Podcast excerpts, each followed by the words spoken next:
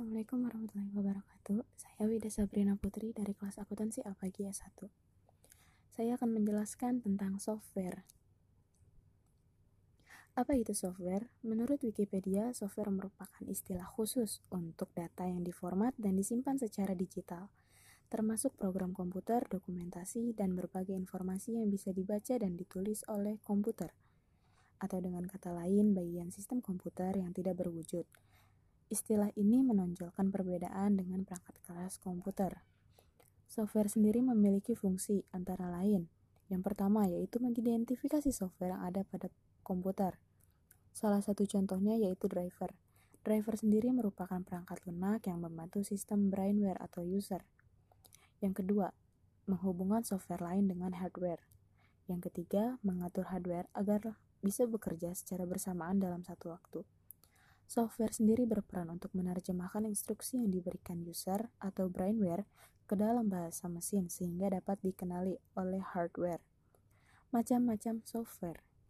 Yang pertama, sistem operasi atau operating system, yaitu berfungsi untuk menghubungkan hardware dengan software lainnya.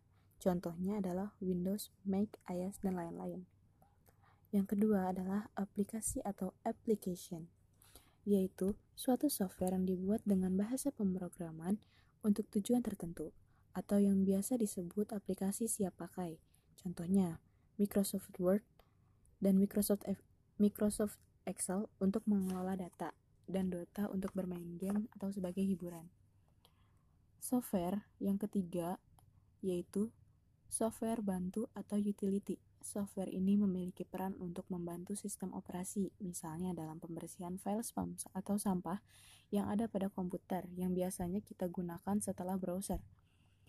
Dan di situ terdapat banyak sampah atau file spam yang dapat membuat komputer kita menjadi lamban. Yang keempat, software bahasa pemrograman. Software ini merupakan software yang berbentuk compiler atau juga bisa berbentuk interpreter Software ini memungkinkan seorang programmer membuat aplikasi sesuai keinginannya. Sehingga apabila kita dapat menguasai ini, maka kita dapat membuat aplikasi yang kita mau. Sekian dari saya, terima kasih.